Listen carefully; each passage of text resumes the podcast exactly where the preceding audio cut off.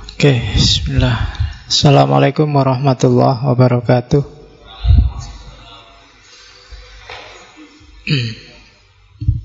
Bismillahirrahmanirrahim. Alhamdulillahirabbil alamin. Wa bihi nasta'inu ala umurid dunya waddin. Allahumma salli wa sallim wa barik ala habibina wa syafi'ina Sayyidina wa maulana Muhammadin wa ala alihi wa ashabihi ajma'in. Amma ba'du. Uh, Bismillah mari kita lanjutkan ngaji kita filsafat. Malam hari ini kita masuk ke para martir sesi kedua. Hussein bin Mansur Al-Hallaj. Sebenarnya saya agak maju mundur mau ngangkat beliau ini. Yang tak pertimbangkan kalian audiennya. Apa yo wis ngangkat kalau tak ajari Al-Hallaj. Potonganmu wajah kayak gitu apa ya? Pantes ndak ya tak kasih al-halaj Mikirnya agak dalam sedikit.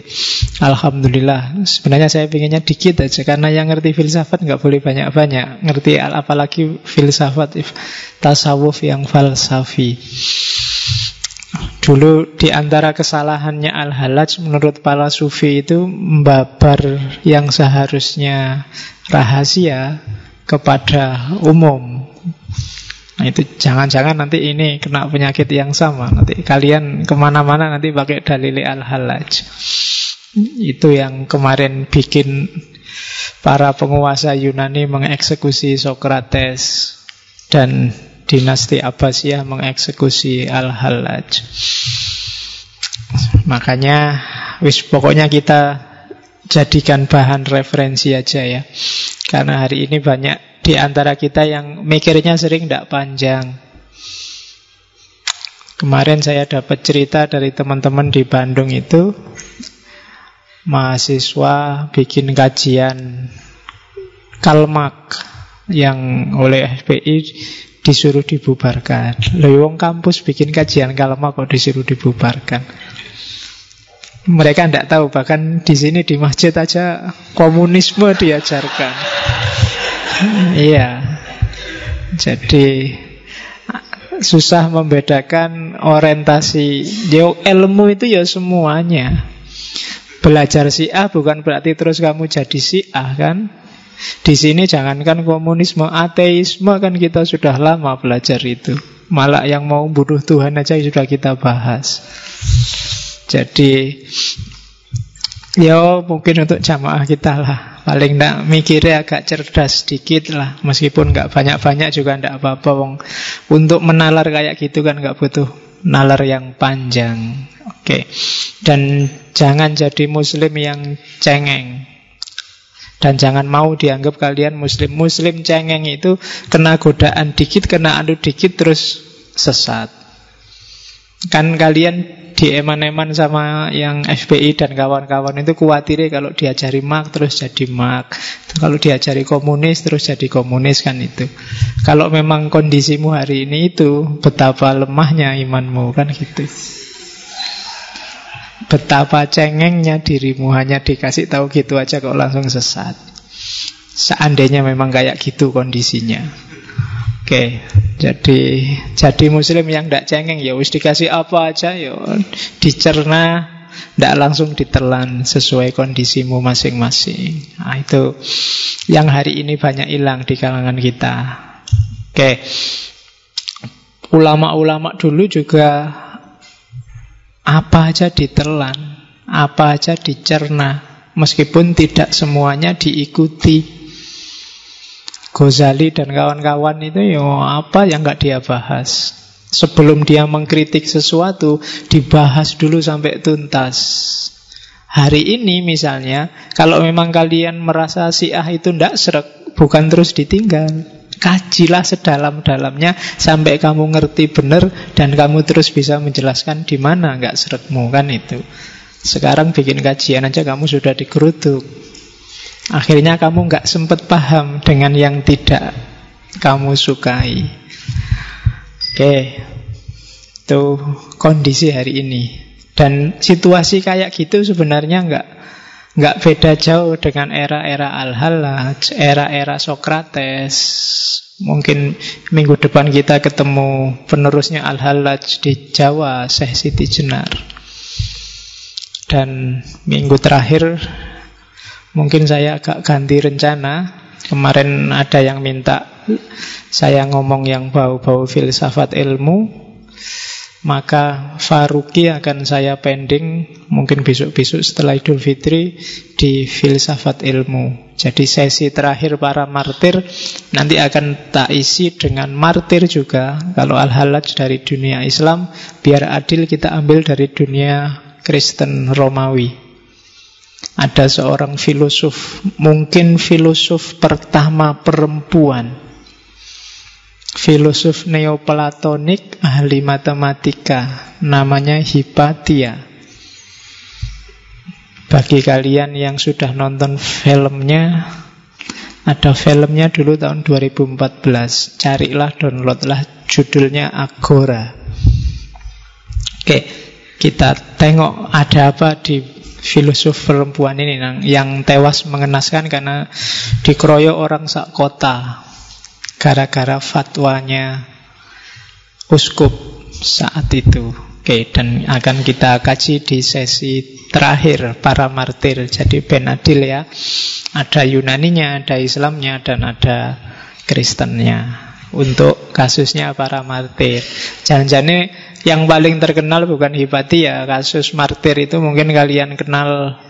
Kalau di Kristen ada Thomas More. Thomas More itu yang nulis Utopia yang itu nanti meng menginspirasi lahirnya negara ideal termasuk khilafah. Tapi pikiran-pikirannya masih sangat Kristen jadi mungkin agak agak terlalu teologis. Ada juga mungkin Galileo yang juga mengalami siksaan gara-gara ilmunya. Cuma kalau tak ajari teorinya Galileo apa mana? Ya, geografi, matematika kamu tambah pening. Jadi ya wis lah tak ambil sang neoplatonik ahli matematika Hipatia cuma dua minggu yang akan datang. Minggu depan kita masih ngomong penerusnya Al-Halaj. Kita lihat gimana responnya orang Jawa terhadap ajaran versi Al-Halaj ini. Oke, bismillah. Kita mulai Al-Halaj itu ceritanya yang mengerikan Pikiran-pikirannya masih belum terlalu radikal Menurut saya jauh lebih radikal Ibnu Arabi dengan wahdatul wujudnya Hanya saja memang intrik dan kontroversinya Jauh lebih luar biasa Al-Halaj. Mungkin karena kisahnya yang tragis. Jadi Al-Halaj ini Iran. Jadi kelahirannya di Tus, kemudian Tus ini kabupatennya namanya Baido, provinsinya namanya Fars. Makanya Al-Halaj itu juga punya namanya juga gelarnya Baidowi karena dia berasal dari daerah namanya Baido. Provinsinya Fars, nama aslinya Husain, nama bapaknya Mansur. Makanya ya, putrane Pak Mansur yang namanya Hussein. Ya, mulai ya kan sederhananya kan itu. Terus Pak Mansur ini kerjaannya memintal benang. Jadi bikin kapas, kapas yang dijadiin benang. Dan itu kalau bahasa Arabnya namanya halaj. Jadi Al-Halaj itu artinya sang pemintal benang. Dan Al-Halaj juga punya punya kisah khusus dengan itu. Al-Halaj juga dikenal tidak cuma Halaj. Kalau ada yang menggelari dia Halajul Asror. Halajul Asror itu pemintal rahasia. Karena Al-Halaj itu dikenal ya kayak para wali yang lain. Jadi dia bisa membaca rahasianya orang tanpa orang itu ngomong. Jadi cuma lihat kalian ini sudah bisa nebak satu-satu yang ada di pikiranmu apa. Yang ada di batinmu apa. Kalau kalian bisa itu enak ya. Kalau ada orang tinggal dilihat gini, wah kamu tidak suka ya padaku. Lihat ke sana, wah kamu sedang melecehkan aku ya. Wah kamu, ah, itu bisa baca kalau alat. Makanya dia digelari halajul asror. Hafal Al-Quran nomor 12 tahun. Kemudian sama ayahnya dititipkan pada seorang sufi namanya Sahel Al-Tustari dari daerah Tustar. Nanti dari Sahal Al-Tustari ini beliau mendapatkan wawasan tentang yang namanya Nur Muhammad. Setelah itu pindah ke Basroh berguru pada sufi yang namanya Syekh Amir Al-Makki. Syekh Amir Al-Makki ini yang nulis kitab judulnya Kutul Kulub.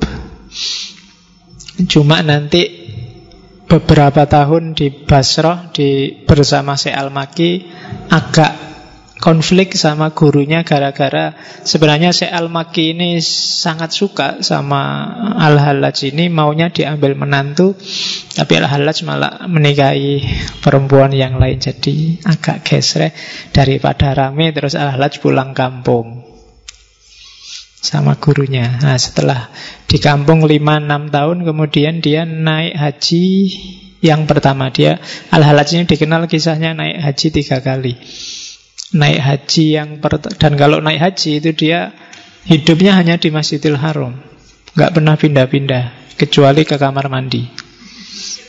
Ya kalau kamar mandi ke belakang balik lagi terus jadi iktikaf uzlah di Masjidil Haram haji pertama sama keluarganya setahun di Mekah.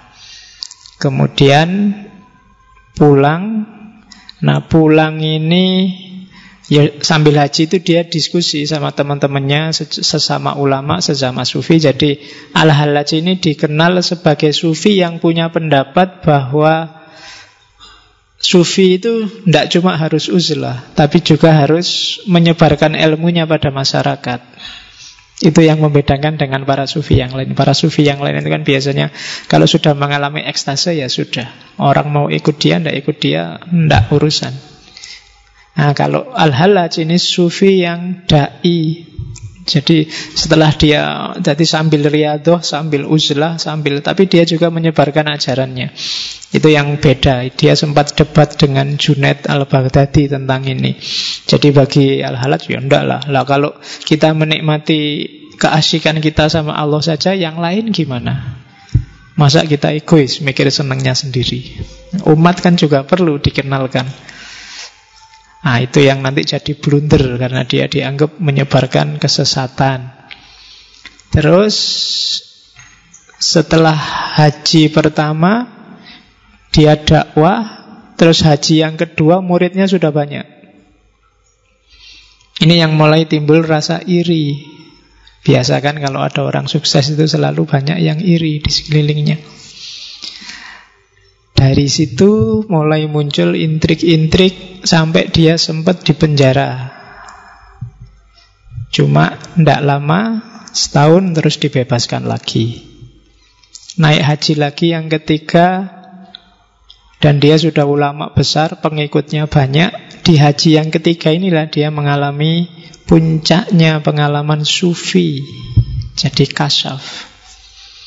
Jadi kasafnya ini di haji yang ketiga. Ketika mengalami puncak, yang paling terkenal dari Al-Halaj adalah satohat-satohatnya, ucapan-ucapan yang tidak terkontrol, yang itu nanti bikin kontroversi luar biasa. Dan dari situ kemudian banyak tuduhan-tuduhan. Nanti kita lihat tuduhannya kepada Al-Halaj itu apa saja.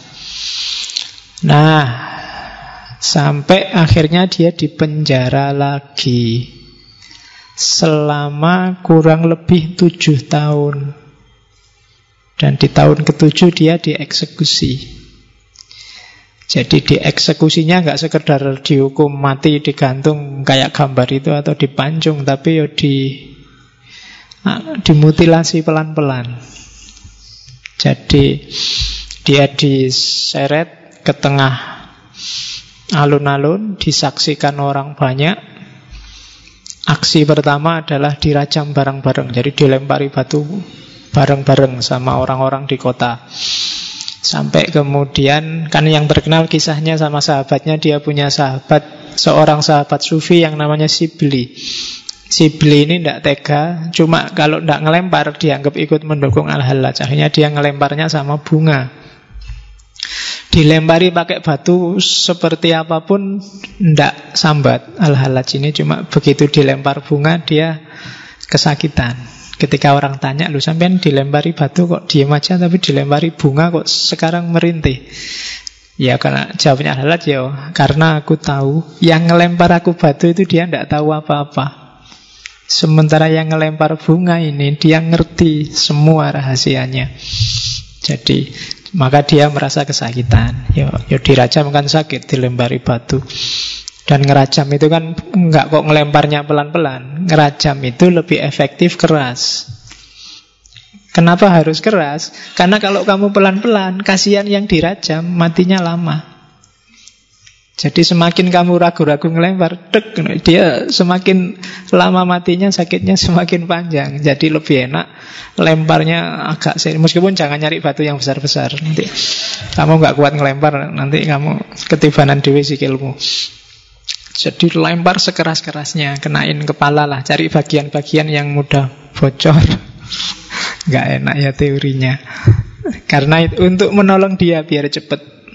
Kalau ndak kasihan dia. Kalau seharian nggak mati-mati ya kan rajam itu kan sampai mati. Cuma ndak sampai meninggal. Terus al datang.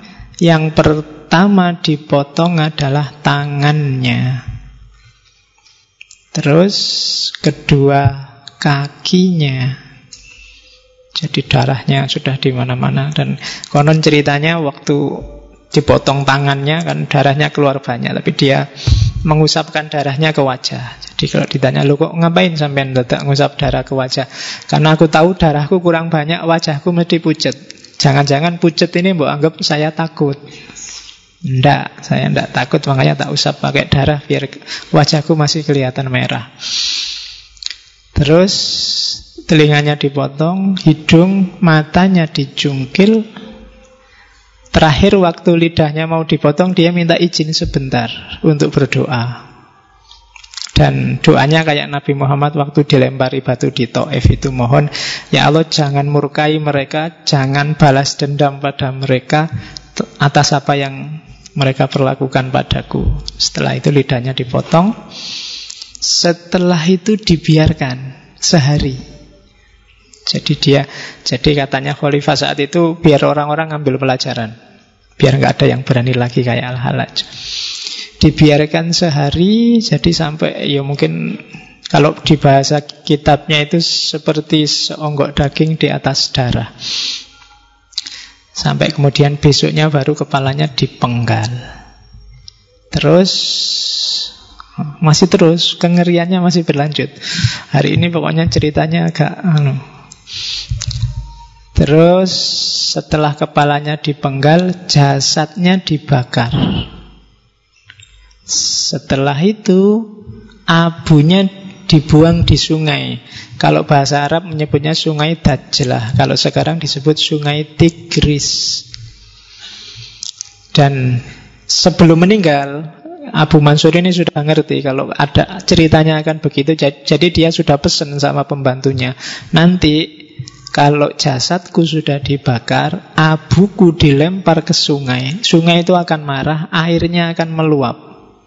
Kalau dibiarkan aja, Baghdad akan habis banjir. Maka jubahku ini nanti buanglah ke sungai. Jadi waktu sungainya sudah naik mau meluap, itu ceritanya sama pembantunya, jubahnya dibuang ke situ jadi tidak jadi banjir bandang. Itu al-halaj.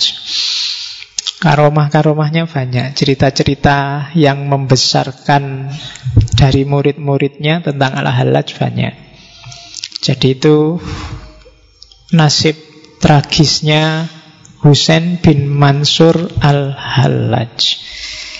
Oke, ceritanya itu. Sekarang ajarannya sedahsyat apa sih yang diajarkan? Ya, ini jadi Abu Mansur Al-Hallaj ini abad ketiga Hijriah, era ketika dunia Islam panen sufi. Sangat banyak sufi lahir di era ini khususnya para sufi Persia. Termasuk Al-Hallaj, Haris Al-Muhasibi, Ma'ruf Al-Karhi, Junaid Baghdadi, dan seterusnya. Sahel Tustari yang guru-gurunya termasuk Al-Halat sendiri, termasuk Sibli dan banyak yang lain. Generasi pertama, nanti generasi kedua ada Rumi, Ibnu Arabi dan kawan-kawan. Ajaran-ajarannya nanti banyak dilanjutkan oleh Ibnu Arabi. Kita lihat tuduhannya ini yang dipakai oleh kekhalifahan zaman itu untuk mengeksekusi Al-Halaj. Yang pertama dituduh berkomplot sama sekte namanya Koromitoh. Sekse Koromitoh itu sempalannya Syiah Ismailiyah. Jadi ya karena Al-Halaj ini lahir di Iran dan kebetulan daerah tempat dia lahir itu dekat dengan wilayah munculnya sekte ini. Syiah Koromito. Jadi maka dia dituduh berkomplot. Meskipun Al-Halat sendiri ngomong loh aku itu mas Sunni loh meskipun Iran. Meskipun Persia. Cuma orang-orang yang karena sudah terlanjur nggak setuju ya dianggap wah itu bohong. Paling dia diam-diam berkomplot. Koromito ini sekte Syiah yang semacam gerakan underground yang memberontak pada Abbasiyah. Yang kisahnya juga ngeri-ngeri Dia sempat Jadi saat itu Yang paling ngeri adalah dia menyerang semua jamaah haji Yang mau pergi atau pulang dari Mekah.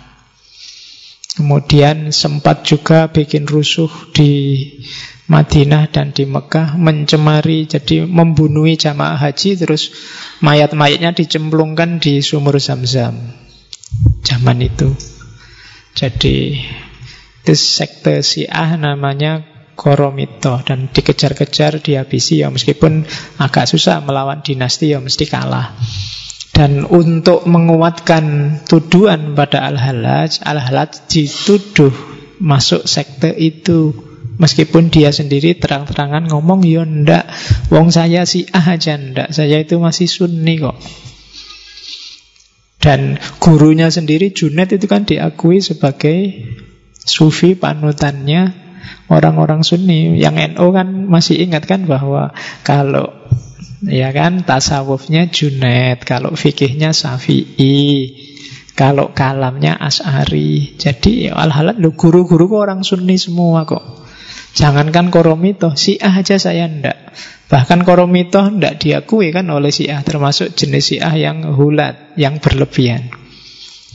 Oke, itu ngerinya dunia kita secara politik. Yang kedua, ya karena satohat-satohatnya. Karena pengikutnya banyak dan Biasa kan kalau pengikut banyak orang awam itu biasanya lahirnya kultus mengidolakan imamnya, kiainya, ulamanya meskipun mereka nggak minta. Dan itu dianggap membahayakan stabilitas oleh dinasti Abbasiyah saat itu. Makanya kalian hati-hati mengkultuskan orang atau kelompok itu kadang-kadang bukan kalian akibatnya yang dikultuskan yang dianggap merusak, menyesatkan. Kayak Socrates kemarin. Makanya saya tidak usah dianggap anu ya. Aku anggap, ah ini dulu yang ngajarin Pak Faiz so gawat nanti ini diserbu FP ya aku. Oke, jadi itu sebabnya yang kedua ngerusak umat. Terus yang ketiga, yo satohat satohatnya. Jadi ucapan-ucapannya waktu ekstase. Ini kan susah. Orang sedang mabuk, orang sedang seneng luar biasa atau sedih luar biasa. Itu kan kadang-kadang ucapannya tidak terkontrol. Saking senengnya. Dan itu yang terjadi dengan para sufi. Yang itu kategorinya satohat. Satohat itu kalau jamak, kalau tunggal namanya sathiyah. Jadi ucapan merancau. Oke, jadi itu tiga ini yang dituduhkan pada Al-Halaj. Ah, gara-gara ini nanti dia dieksekusi. Ya termasuk kultus-kultus muridnya. Al-Halaj ini punya banyak cerita-cerita keramat. Satu ketika dia sama murid-muridnya sedang uzlah di hutan. Tiba-tiba muridnya ada yang bilang, wah kayak gini kalau ada manisan enak ya, kita nggak bawa apa-apa. Al-Halas terus pergi sebentar. Paling 2-3 detik Terus tiba-tiba datang bawa manisan banyak Bawa minuman yang enak-enak Terus diminum.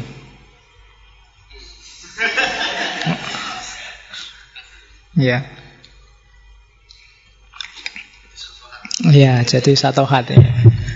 Nah Orang-orang heran muridnya Kok bisa? Dari mana ya Ada ada minuman tiba-tiba Ada makanan enak-enak? Yuk Al-Halaj diem aja. Tapi besoknya setelah pulang Muridnya ini ngecek Ini ada manisan kayak gini Ini produksi mana ya?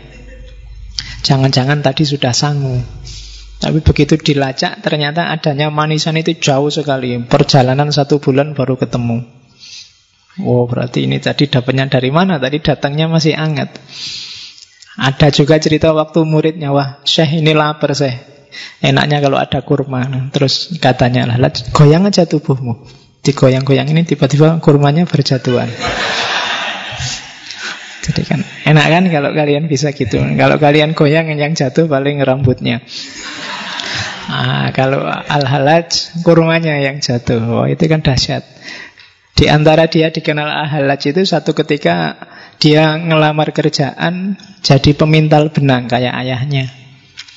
Jadi dan juraganya heran karena cara dia misah apa biji kapas sama isinya cuma dituding aja. Jadi dituding aja kapas sama isinya itu misah sendiri. Oh itu itu di antara cerita-cerita yang pasti yang membawa cerita-cerita kayak gini murid-muridnya. Dan bukan hal yang luar biasa kalau dalam dunia sufi. Meskipun yang kayak gini biasanya yang bikin kalian ngiler pingin jadi sufi. Pingin karomah kalau uzlahnya sama riadohnya males. Ya kan?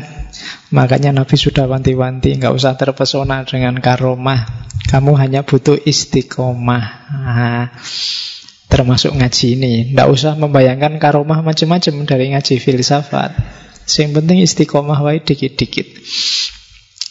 Dari tiga tuduhan inilah nanti dia dieksekusi.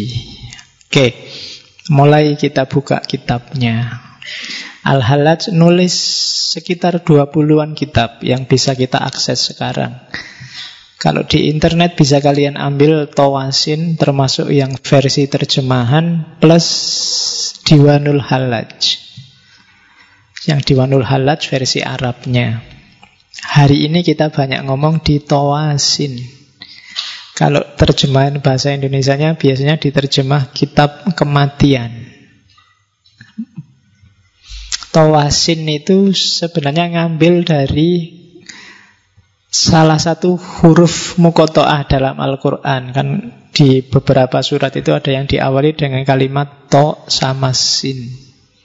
Tosin, jadi tosin yang banyak jadi towasin. Memang isinya mengarah ke akhirat. Jadi sehingga kitabnya diterjemah jadi filsafat kematian. Itu kalimat pertama. Jadi tosin kebenaran adalah bentuk cahaya yang memancar dari yang gaib ia terlihat dan memancar kembali kepada yang gaib. Dan kebenaran itu melampaui segala cahaya. dan menjadi cahaya di atas cahaya. Dan benderangnya memancar ke seluruh purnama. Titiknya yang paling terang menjulang ke angkasa yang diselimuti oleh rahasia. Ini kalau cuma kamu baca, insya Allah kamu tidak paham. Ya, jadi hampir semua sufi Persia menganalogikan kebenaran dengan cahaya dan puncaknya kebenaran adalah cahaya maha cahaya.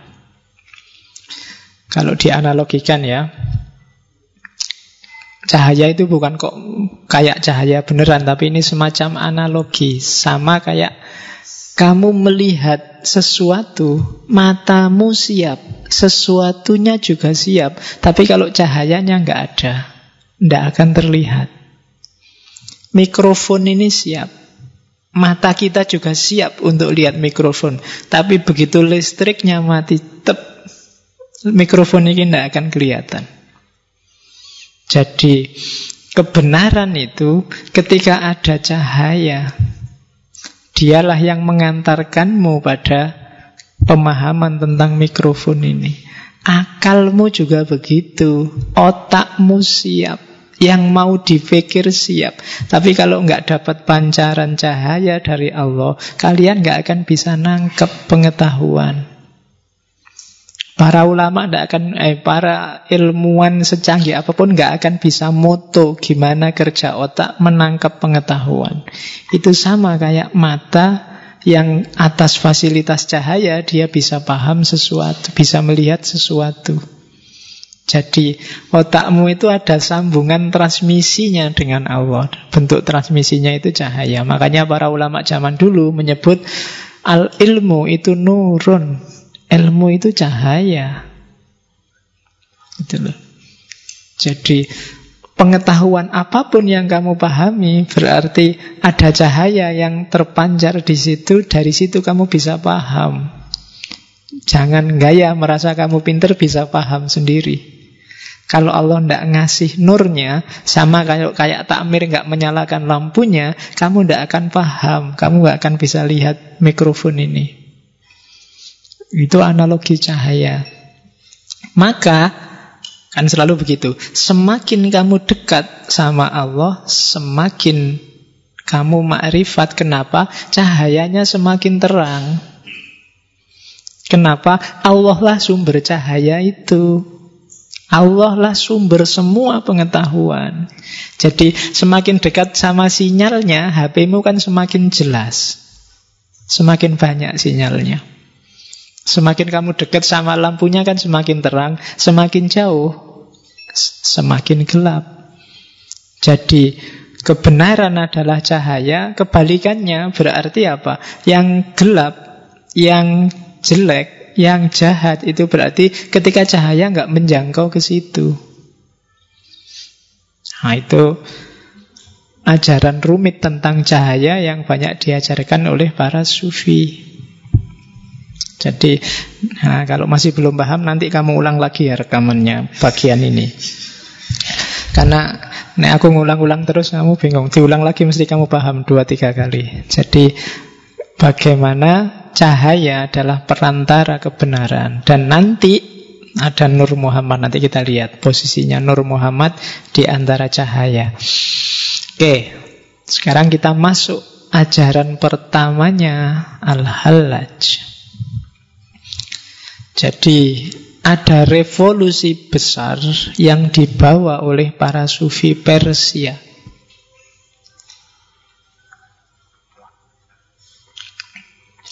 Jadi sebelum muncul para sufi ini banyak umat Islam di situ disebut awam yang meyakini bahwa untuk ketemu dan kontak sama Allah itu ada pakemnya. Harus ikut aturan-aturan formal dan resmi. Harus manut petunjuk yang berwenang. Apakah itu ulama, apakah itu kiai, apakah itu. Nah, para sufi ini membongkar itu bikin revolusi besar dengan menunjukkan bahwa ndak setiap orang bisa ketemu Allah. Setiap orang bisa ngobrol sama Allah. Ndak ada jarak, ndak butuh perantara. Syaratnya apa? Bersihkan egomu. Bersihkan dirimu sampai kamu layak untuk Allah datang padamu. Jadi kalau dirimu bersih, Allah layak datang, Allah akan datang. Singkirkan sifat-sifat duniawi. Dengan asumsi ini terus para sufi merumuskan banyak sekali ajaran yang intinya adalah setiap kita bisa berhubungan langsung sama Allah. Tidak harus pakai banyak perantara macam-macam.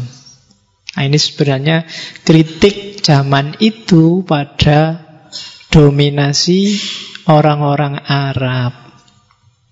Jadi Persia ini awalnya adalah dinasti besar, kerajaan besar menguasai hampir 3 per 4 dunia.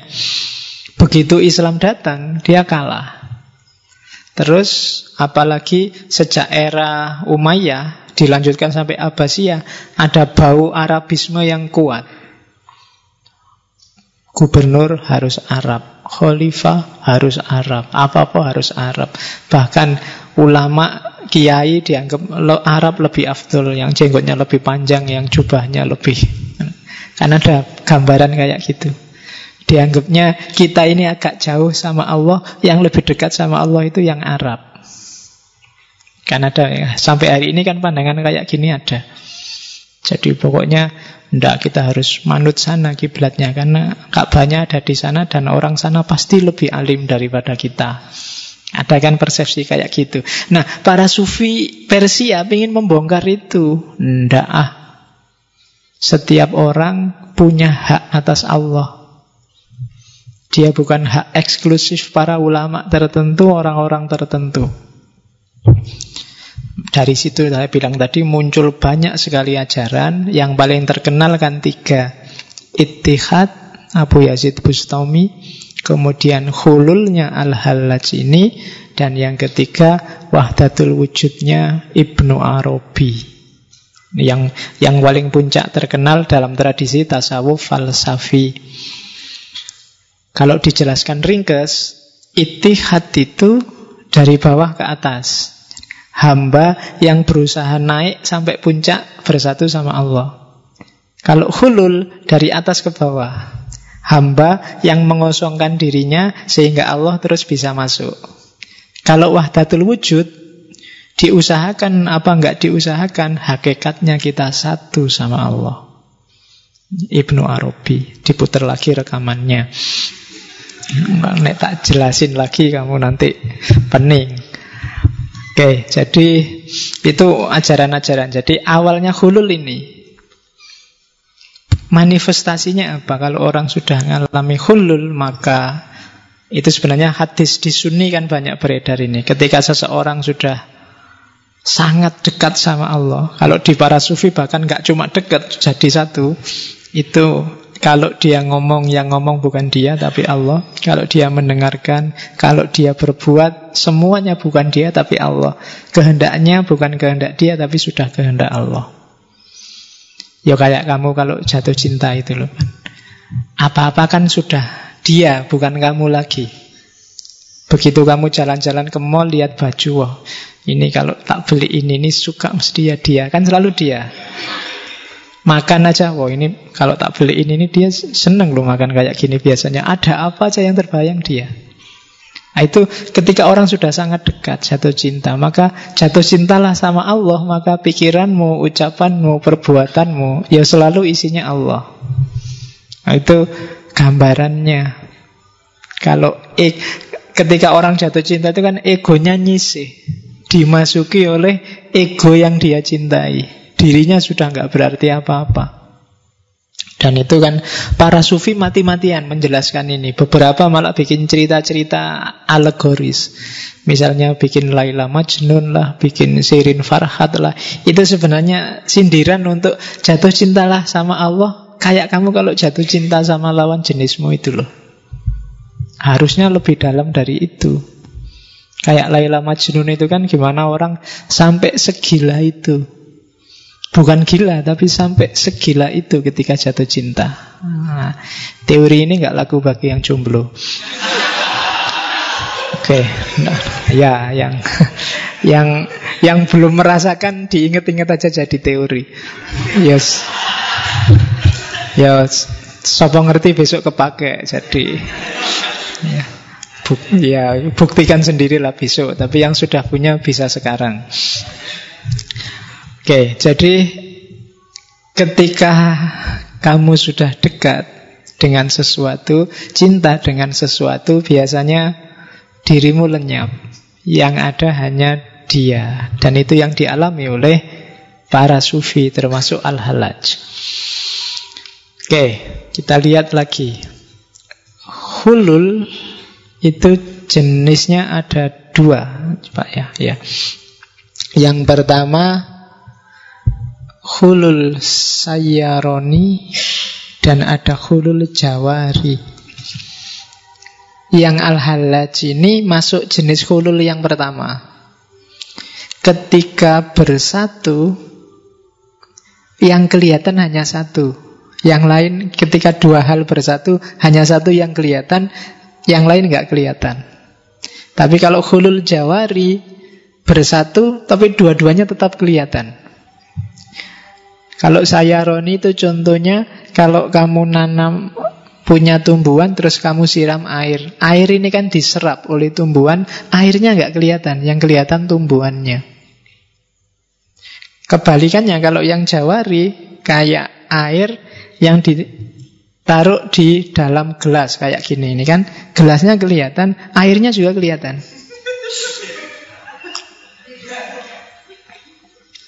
nah, ini namanya hulul jawari. Nah air yang tak minum tadi kan masuk ke tubuhku. Kamu nggak lihat lihatnya cuma aku. Padahal di sini juga ada tehnya loh. Kan gitu. Nah, itu namanya hulul sayaroni.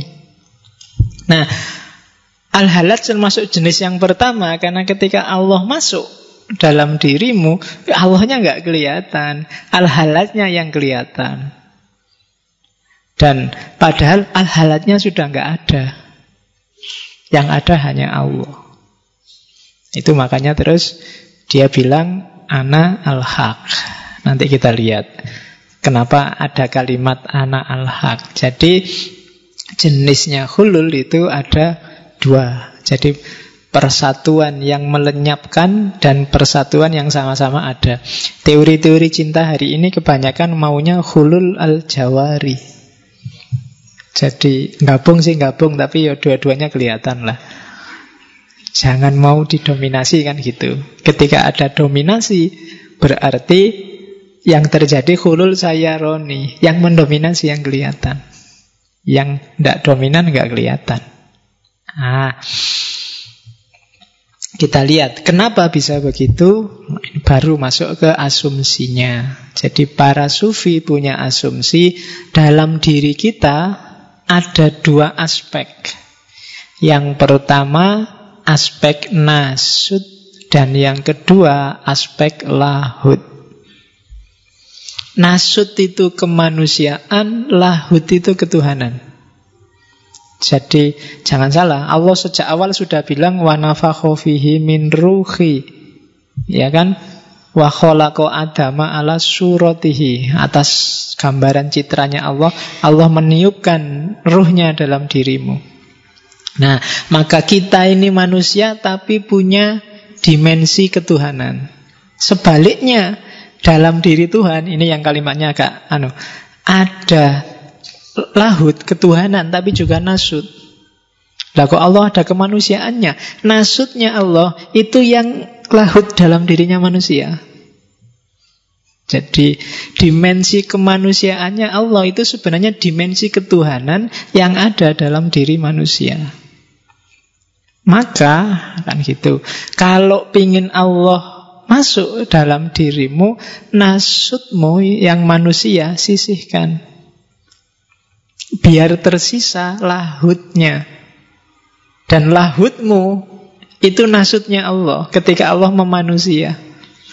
Dari situ Allah bisa masuk dalam dirimu. Oh, ini juga yang harus kamu ulang besok di rekaman. Jadi nggak bisa sekali dengar langsung paham. Jadi ada Tuhan, ada manusia. Ya kan? Kalau kamu pingin Tuhan masuk, sisihkan manusianya. Karena nggak mungkin Tuhan nyampur. Tuhan bersatu dengan dirimu. Seandainya toh nyampur kayak itihad, yang hilang bukan Allah tapi kamu. Kayak setetes air yang nyampur ke laut. Ya nggak usah dicari lagi setetes airnya di mana. Yang kelihatan hanya laut. Jadi seandainya itu nyampur. Tapi kalau di lahlat tidak nyampur. Tapi siapkan aja kondisimu, sisihkan nasutmu, sehingga yang tersisa lahut. Kalau lahut ada, maka Allah bisa masuk. Ya kayak lagi-lagi contohnya pacaran. Sing gampang memang pacaran. Misalnya, kamu naksir cewek apa cowok. Terus yang kamu taksir itu bilang, aku ndak suka cowok yang ngerokok. Nah kan? Maka demi agar cewek itu bisa masuk dalam hidupmu, syaratnya apa? Buanglah rokokmu.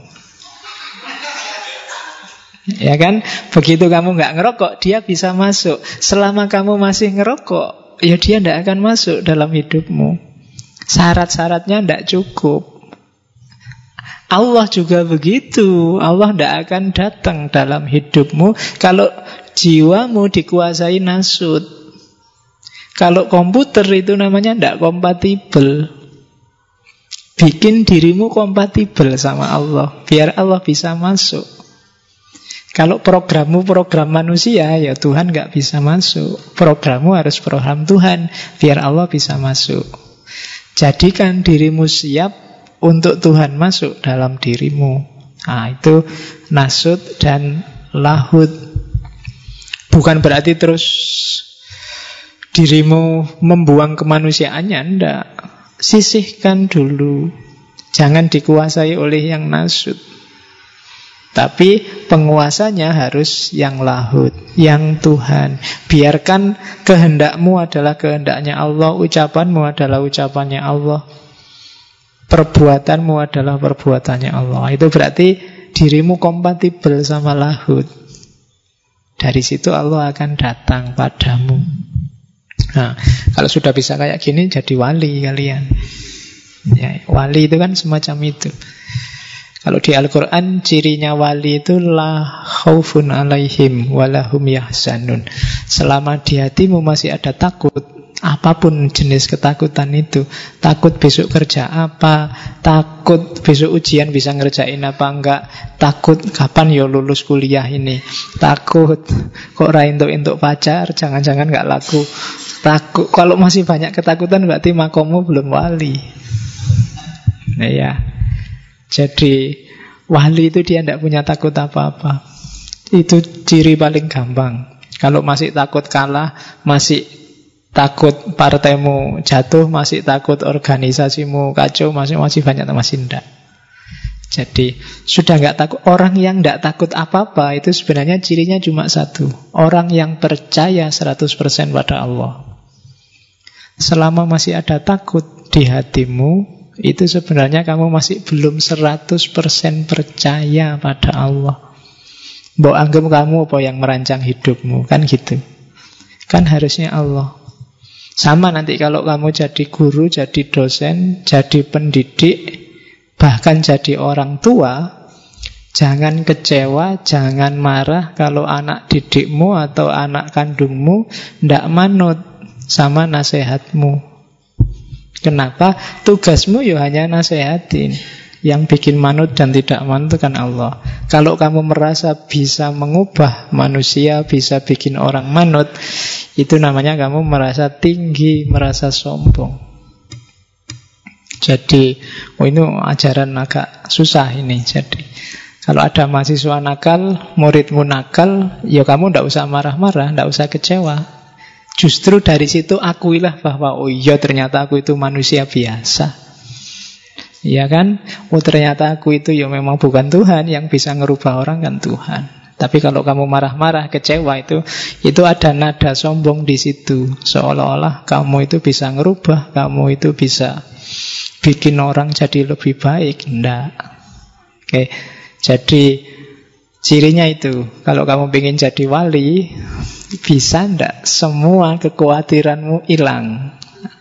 Imannya jadi 100%. Tidak galau oleh apa pun. Aliran sesat banyak juga tidak galau. Ada banyak orang gegeran tidak galau. Ada. Dan kamu yakin dengan skenario nya Allah 100% Itu wali. Dan kalau sudah wali jangan khawatir. Allah yang melindungimu 100% Ya kan, kan ada hadisnya itu. Barang siapa menyakiti wali-waliku kan itu. Dan seterusnya lah Oke, yo yang ini juga kamu inget-inget aja. Syukur-syukur bisa dijalani. Yo roto abot memang. Oke, kok malam ini kamu inget-inget referensi-referensinya. Sopo ngerti bisa menempuh jalan itu. Oke, terus itu asumsi-asumsinya. Prosesnya gimana untuk menyisihkan nasut mau tidak mau harus riadoh diniyah. Jadi latihan rohani. Ya namanya latihan dong mesti agak berat. Uzlah Kemudian tafakur, muhasabah, sholat malam. Pokoknya mendidik diri agar tidak jatuh cinta sama dunia. Nah ini roto abot. Kalau usia-usia kalian mungkin ya ah, masih ambil nafas besar. Ya. Jadi ya abot. Yo semangatmu kan naik turun kayak gini. Wah semangat saya mau riato. Riato apa nih? Iya. Ya kan, oh, kamu sholat subuh on time itu sudah Alhamdulillah. Ya, jadi Ya masih ingat sholat subuh kan luar biasa. Tidak usah lah tahajud-tahajud itu apa nih Jadi sholatnya subuh. Kemarin saya baca di mana itu Kenapa di Indonesia banyak orang sholat subuhnya kesiangan? Karena salah nama. Kalau di beberapa kitab sholat subuh itu namanya sholat fajar. Di Indonesia subuh lebih terkenal. Kalau sholat fajar, ya waktu fajar. Jadi ketika diganti sholat subuh ya berarti tidak harus fajar, pokoknya subuh niatnya. Oke, okay, yo argumennya apa gue. Jadi mari kita jadi besok di situ diganti ya sholat fajar gitu kan. Sholat fajar Waktunya fajar berarti tidak waktu subuh. Karena namanya subuh, kadang-kadang jam 7, kadang jam saya juga saya lupa ya baca ada juga referensi bahwa sebenarnya sholat duha itu banyak hadisnya yang dipertanyakan. Coba dicek yang ahli hadis ya. Di beberapa referensi malah ada yang bilang sholat duha itu awalnya karena dulu Muawiyah itu sholat subuh kesiangan.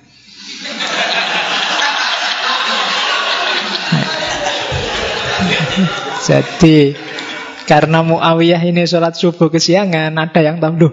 Sampean Amirul Mukminin sholat subuh kesiangan. Loh ini bukan sholat subuh ini, sholat duha ini. Ah, terus dari situ lahirlah banyak hadis-hadis tentang keutamaan sholat duha. Oke, okay. yo kamu cek sendiri yang ahli hadis, ahli sejarah. Oke, okay. nah Kok sampai situ ya mengharap ngomong riado ya. Jadi riado latihan batinmu dengan cara mem, apa, memberdayakan fisikmu untuk mengarah ke batin. Jadi kiblatnya harus semuanya Allah. Dunia itu boleh kamu tunggangi, tapi ngadepnya ke belakang. Mungkin kalian baca banyak buku-buku sufi. Biasanya sufi-sufi humor yang tentang Nasruddin Hoja itu simbolnya sufi itu kan naik keledai tapi tidak ngadep ke depan ngadep ke belakang. Keledai itu simbol dunia. Ya kita butuhlah dunia butuh makan butuh minum tapi ngadepnya ke belakang. Maksudnya kiblatnya jangan kiblat dunia Kiblatnya tetap ke atas Allah. Jadi ada apa-apa ngajaklah Allah. Ngaji kayak gini ya ajaklah Allah ke sini. Kalau kamu sedang pacaran, ajaklah Allah pacaran. Biar pacarannya islami. Oh iya kan? Loh, kalau kamu pacaran ngajak Allah kan Anda enak ada Allah ini kan gitu. Ya kan? Mau pegang tangan juga ndak enak kalau Ya kalau iblis yang datang kan kalau dua orang, yang ketiga setan kan. Kalau setan kamu malah nekat, malah setan aja kok. Ya, kadang-kadang yang ketiga setan itu setannya malah nganggur, belum diapa-apain kamu sudah kreatif. Ya. Jadi paling setannya wah ndak enak jadi obat nyamuk jangan. Iya, kamu belum digodain kamu sudah kreatif sendiri. Jadi oke. Okay. Maka iya. Jadi kalau ada yang bilang hati-hati loh, jangan berduaan. Yang ketiga setan, ndak ngefek. ada setan, nggak ada setan sudah kamu jadi setan dewe. Oke, nah riyadhah diniyah itu latihlah dirimu biar tidak apa nek bahasa Jawa dulu kiai-kiai bilangnya kepencut terpesona, jatuh cinta dengan dunia. Di level apa pun. Bukan berarti kamu tidak butuh dunia, butuh. Tapi dia rankingnya bawah, tidak penting. Punya uang banyak, syukur. Tidak punya uang, tidak apa-apa. Punya pacar cakep, syukur. Tidak punya pacar, ya cari. Loh ya Ya kan harus nikah makanya nyari pacar. Nggak apa-apa, nggak pakai galau biasa aja. Yang jomblo santai, yang punya pacar juga santai. Dunia. Nah, Jadi ndak jatuh cinta meskipun butuh. Ke sini dikasih minum ya syukur. Nggak dikasih minum ya minta. Ya minta nggak dikasih baru ndak apa-apa nggak dikasih. Oke, jadi itu riado Begitu kamu tidak lagi terpesona, tidak lagi jatuh cinta oleh dunia, maka jiwamu mulai kompatibel sama Allah. Tapi kalau dunia masih bikin kamu sibuk, cirinya yang gampang tadi, kamu masih banyak ketakutan-ketakutan, kekhawatiran-kekhawatiran, yo agak susah Allah masuk. Ya mungkin kalau Allah itu sudah Pentium 4, mungkin dirimu masih Pentium lama itu yang berapa itu. Jadi nggak masuk. Programnya Allah terlalu tinggi. Maka riado, latihan. Riado yang paling efektif itu yang istiqomah tadi. Makanya Nabi bolak-balik nyuruh istiqomah itu melatih diri. Mungkin tidak urusan kuantitasnya, tapi kualitasnya. Daripada kamu ujuk-ujuk baca buku filsafat banyak minggu ini mending tiap hari baca dikit-dikit. Itu biasanya lebih manfaat, lebih melatih diri. Jiwa juga begitu. Kadang-kadang kan kamu kan gitu Kalau pas lagi Kayak sekolah-sekolah hari ini loh Ujuk-ujuk semua bikin doa bersama Sholat malam Karena mau uan Ya kan jadi sing biasa nih tidak pernah doa sekarang doa bersama, sekarang tahajud bersama, ngundang kiai-kiai semua diundang. Hanya ketika mau uan. Dianggapnya malaikat tidak ngerti. Iya, iya kan? Kalau pas lagi butuh aja sekarang gitu-gitu. Dan ya coba kapan-kapan kamu bikin tulisan tentang itu ya. Gitu. Jadi religiusitas yang anget-anget ayam. Kadang semangat, kadang Ya, kalau pas lagi mantep-mantepnya itu neng kampus bawa tasbih kayak nih kayak itu ya kan. Iya. Kalau pas lagi malas udah diajak sholat yo wakil lah dulu gitu. Jadi riado, didik dirimu biar tidak jatuh cinta sama dunia.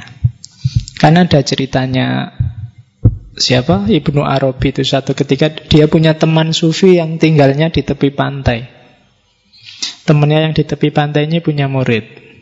Nah, satu ketika dia nyuruh, coba kamu pergilah ke Syekh Ibnu Arabi Tanyakan siapa tahu dia punya pesan untukku nah, Begitu datang ke rumahnya Ibnu Arabi Murid si temennya ini kaget Puh, ini orang rumahnya besar sekali kayak istana. Sementara guruku gubuknya kecil di tepi pantai Tiap hari ya paling mancing dimakan sendiri terus ibadah. Ini orangnya luar biasa Tapi lah kok guruku minta dinasehati. Harusnya kan kebalik Yang kelihatan sufi beneran ya guruku yang di tepi pantai itu. Begitu tanya Saya ini saya pesen dari guru Jenengan mau pesen apa untuk guru saya Terus pesennya Jangan terlalu terpesona oleh dunia. Wah.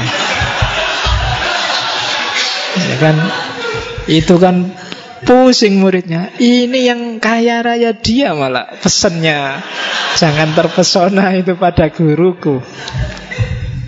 Oke, begitu dia pulang cerita ke gurunya, pesennya itu saya. Ah, gurunya ini langsung nangis. Wah, lah kok nangis kenapa? Berarti ya jadi dia ngaku bahwa selama ini saya itu makan itu hanya dari mancing sendiri, kadang hanya duri-durinya yang tak makan. Tapi sambil makan, aku sambil mikir, ini kalau nggak cuma durinya, ada dagingnya, mestinya enak. Kalau nggak cuma ikan, ada daging yang lain, mestinya enak. Jadi sambil mikir itu. Sementara Syekh Ibnu Arabi itu, meskipun rumahnya kaya luar biasa, tidak pernah sedikit pun dia mikir tentang hartanya. Mau habis saat ini juga tidak apa-apa, mau tidak punya apa-apa juga nggak masalah. Jadi itu yang bikin gurunya terus sadar. Jadi sufi tidak sufi itu tidak tergantung kekayaan, tapi bagaimana batinmu tidak jatuh cinta pada dunia. Ya, cirinya tadi nggak ada hal dunia apa pun yang bikin kamu takut dan gelisah. Yang bikin kamu takut dan gelisah cuma satu, kalau kamu merasa jauh sama Allah. Oke. Jadi itu proses riadoh diniyah. Biasanya kalau para sufi latihannya ada makomatnya, ada step-stepnya. Dan hulul ini termasuk makom-makom puncak. Kalau di Ghazali puncaknya ma'rifat pemahaman puncak tentang Allah. Kemarin kita sudah bahas Ghazali di filsafat kebahagiaan. Karena begitu orang sudah mencapai makrifat Dunia nggak akan bisa nipu dia lagi. Ketika dunia nggak nipu dia Otomatis dia bahagia. Semua sumbermu gelisah selama ini kan selalu tentang dunia. Begitu dunia nggak merisaukanmu Kamu lebih cepat bahagianya. Nah, maka perlu riadoh diniyah mujahadah. Oke. Terus ini sair-sairnya yang terkenal dari Al-Halaj yang ngomong tentang hulul. Jadi tawasin juga. Jadi ro'aitu robbi bi'aini kolbi. Fakultu man anta kola anta. Falaisa lil aina minka aina walaisa aina bihaisu anta Pak, ya ben ben kaya ngaji tenanan ana Arabe. Ya. Jadi, itu Robbi, aku melihat Tuhanku bi aini kolbi dengan mata batinku. Terus aku ketemu Tuhan, fakultu man anta. Lu siapa kamu? Tapi dia jawab, kola anta. Loh aku yuk kamu. Gitu kan? Terus nambah lagi, falaisa lil aina minka aina. Tidak ada di mana engkau di mana. Itu maksudnya engkau tidak di mana-mana. Walaisa aina bihaisu anta. Dan memang untukmu itu tidak ada di mana. Allah itu tidak di sini, tapi juga di sini. Ini yang salah pernyataannya. Kenapa? Karena walaisa aina bihaisu anta. Allah itu nggak ada di mananya. Jadi dia tidak bertempat. Tidak ada ruang yang fisik yang menampung Allah. Karena dia di luar kerangka ruang dan waktu. Jadi kalau ada orang tanya Allah itu di mana, yang salah pertanyaannya. Karena kamu tunjuk ke mana pun, di situ ya Allah, dan di situ juga bukan Allah. Kalau kamu ngomong di kedalaman batinku terus di sini kok ya enggak ada.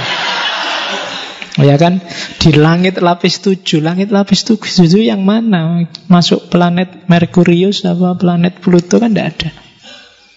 Jadi memang bukan aina nggak ada di mananya Jadi Ro'a itu Robi Aini kolbi Jadi aku melihat Allah itu tidak dengan mata ini Untuk di mana itu kan pakai mata ini tapi pakai mata batin. Mata batin itu nggak ada di mananya loh. Pacarmu ada di luar negeri, bisa hadir di sini. Sudah mati, sudah nggak ada fisiknya pun dia bisa hadir tiap hari di sini. Itu nggak ada ainanya, sudah nggak ada di mananya. Dia sudah di mana-mana. Kamu melihat ke mana pun ada dia. Meskipun hakikatnya dia tidak ada di mana-mana. Oh itu wis abot nih. Nanti diulang lagi ya rekamannya. Iya, bolak-balik gitu harus kamu ulang. Nanti ini kalau nggak diulang bahaya kamu. Tiba-tiba ceramah kayak gini jamaah sumpek. Oke ya, pokoknya ini nggak usah dipakai khutbah Jumat. Ya, jangan khutbah Jumat hari ini temanya hulul itu masalah.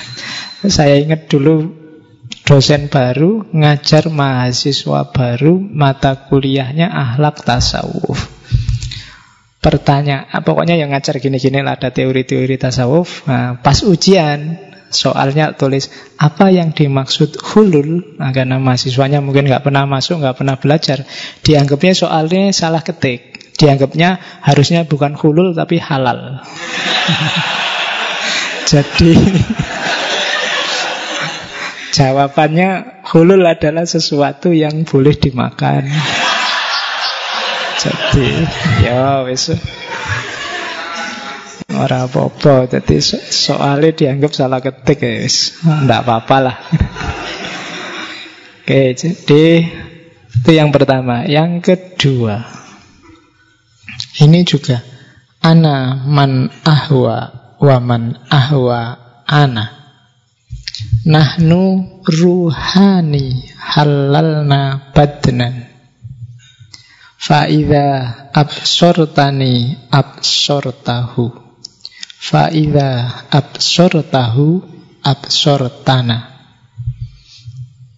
Jadi aku adalah orang yang mencintai dan sekaligus yang dicintai. Dan orang yang dicintai juga aku kan itu. Waman ahwa ana. Nahnu ruhani. Kami adalah dua entitas, dua roh, halal nabadnan, yang kami sama-sama menempati satu badan. Fa'idha absortani, ketika engkau melihatku, absortahu, engkau melihatnya. Fa'idha absortahu, absortana, ketika engkau melihatnya, engkau melihat kami. Nah, jadi ada film India yang kalau kamu lihat suamimu, lihatlah Tuhan di situ. Nah, yang penggemar film India mesti langsung ngerti. Yang diam aja mesti diam-diam jangan ngerti, khawatir dianggap. Jadi kalau kamu lihat saya, saat itu juga sebenarnya kamu lihat Allah. Karena dalam diriku ada Allah. Nah, nuruhani, kami ini di dalam diriku ada dua entitas, dua roh yang bertempat di satu badan, nasut dan lahut tadi. Jadi kalau faida absortani absortahu, kalau engkau lihat aku, engkau pasti melihatnya. Kalau kamu nggak bisa melihat Allah padaku, kamu berarti salah paham terhadapku. Oh, ini sebenarnya teori ini luar biasa untuk Mbok kita sesama manusia jangan gegeran, Jangan bunuh-bunuhan. Ketika Allah bilang kutiupkan ruhku, ya kan? Wa fihi min ruhi itu untuk semua manusia. Tidak cuma untuk muslim dan mukmin saja. Maka rukunlah, lihatlah Tuhan dalam diri siapa pun. Nah, itu sebenarnya arahnya ke situ. Kritik pada orang-orang zaman itu yang dianggapnya yang Arab itu lebih istimewa. Tidak sama aja. Yang Persia juga, yang Arab juga, semuanya dalam dirinya ada Allah di situ. Allah sendiri yang bilang. Nah, jadi ini maunya para sufi maka bagi banyak ilmuwan ajaran Islam yang paling mudah diterima bagi yang non-muslim di luar Islam itu level sufinya. Ke mana-mana bisa masuk. Karena memang ajaran-ajaran kemanusiaannya agak tinggi dibandingkan yang fikih. Fikih itu kan agak kaku. Jadi kalau ada yang tanya jumlah umat Islam sekarang kan ada kemarin rame-rame jumlah umat Islam sekarang berapa? Itu tergantung versi sufi apa versi fikih. Ya kan? Kalau versi fikih pun itu fikih aliran mana dulu? Ya kan? Kan karena fikih itu kadang aliran A aliran B yang ini dianggap kafir jadi nggak masuk muslim. Yang benar yang ini aja. Jadi jumlah umat Islam sebenarnya sangat sedikit kalau pakai fikih kalau pakai tasawuf bisa jadi oh, semua di dunia ini sebenarnya ya Islam. Muslim kabeh, sedulure kabeh, podo-podo menungsani kan gitu. Sama-sama dalam diri mereka masing-masing ada Allah. Yang membedakan apa?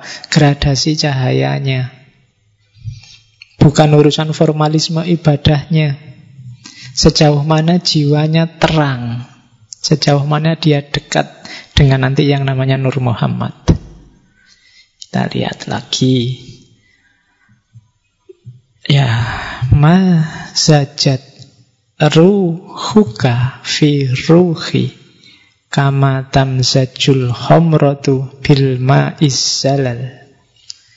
Fa'idha masaka syai'un masani Fa'idhan anta ana fi kulli hal Bercampurlah ruhmu dalam ruhku sebagaimana bercampurnya khomer dengan air bening.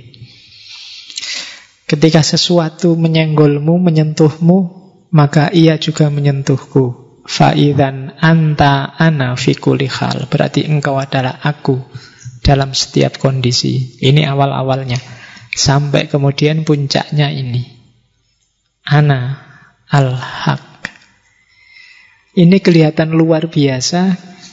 Padahal kalau kamu pahami harusnya harusnya setiap muslim nyampe ke level ini dengan pemaknaan tidak seperti pemahamanmu selama ini. Ini kan biasanya kamu pahami terus aku adalah Tuhan. Sesederhana itu, padahal maksudnya bukan ke situ. Kita lihat tafsir-tafsirnya ya. Yang pertama, di tulisan-tulisannya Al-Halaj di At-Tawasin itu dia membedakan hak saja dengan al-haq. Maka bukan anak hak, tapi anak al-haq. Jadi, kalau al-haq itu sama kayak lahut yang ada dalam diri manusia tadi. Itu kayak kalau itu kebenaran, itu kebenaran kecil. Makanya di situ di narasinya tak tulis pakai huruf kecil biar kamu nggak salah paham. Jadi kalau al-haq itu manifestasi dari kebenaran besar dalam kebenaran kecil yang kontekstual. Arahnya nanti ya, ya itu kebenaran juga sih, ya itu Tuhan juga sih, tapi dia Tuhan kecil dalam tanda petik manifestasinya Tuhan dalam dunia ini. Jadi dia bukan Tuhan yang sejati. Jadi al-haq itu nanti akan menuju pada hak. Sama lahutiyahmu, aspek ketuhananmu, sebenarnya dia merindukan lahut yang sejati, Tuhan yang sejati. Hanya saja sering terhalang oleh nasut, oleh kemanusiaan. Maka buang kemanusiaanmu, maka lahutmu akan cepat ketemu dengan Tuhan besarnya. Nah, jadi hak dan al-hak beda. Maka al-halaj ngomong al-hak, bukan anak hak. Jadi al-hak itu tajalinya, manifestasinya. Bukan Tuhannya itu sendiri. Terus Anak al-haq kalau bagi al-halat, ya ini la ilaha illallah itu. La ilaha illallah itu satu-satunya yang layak Tuhan hanya Allah. Bahkan aku pun tidak ada. Jadi yang disebut aku ini sebenarnya tidak eksis. Jadi utuhnya la ilaha illallah kalau hanya satu ana yaitu Allah. Bahkan ana yang ini, yang ego ini, ndak dia juga hanya menghalangi. Jadi Allah lah yang absolut, kita yang relatif. Kan itu kalau pakai teorinya Ibnu Sina kemarin. Allah yang wajibul wujud, kita hanya mungkinul wujud. Kita hanya mungkin ada. Ada kita tergantung Allah. Kita yang sejati itu berarti apa? Ya Allah, wong Allah kan yang bikin kita ada. Jadi kita itu tidak ada, ada yang sejati hanya Allah. Maka kebenaran yang paling esensi, satu-satunya yang ada hanya Allah. Ana yang mana pun itu hakikatnya nggak ada. Satu-satunya ana yang ada hanya ananya Allah. Wah ini jerunah kian. Jadi kamu sebenarnya nggak ada. Kamu ada karena Allah mengizinkan kamu ada. Kalau Allah nggak mengizinkan ada. Kamu dulu ndak ada, terus dibikin Allah ada, terus besok ndak akan ada lagi. Dari ada, dari tidak ada, jadi ada, terus nggak ada lagi. Sebenarnya keadaan ini dari mananya? Dari Allah. Itu yang jadi dalilnya al-halaj. Jadi Allah itu meletakkan dalam tanahnya Adam itu ruhnya, citranya.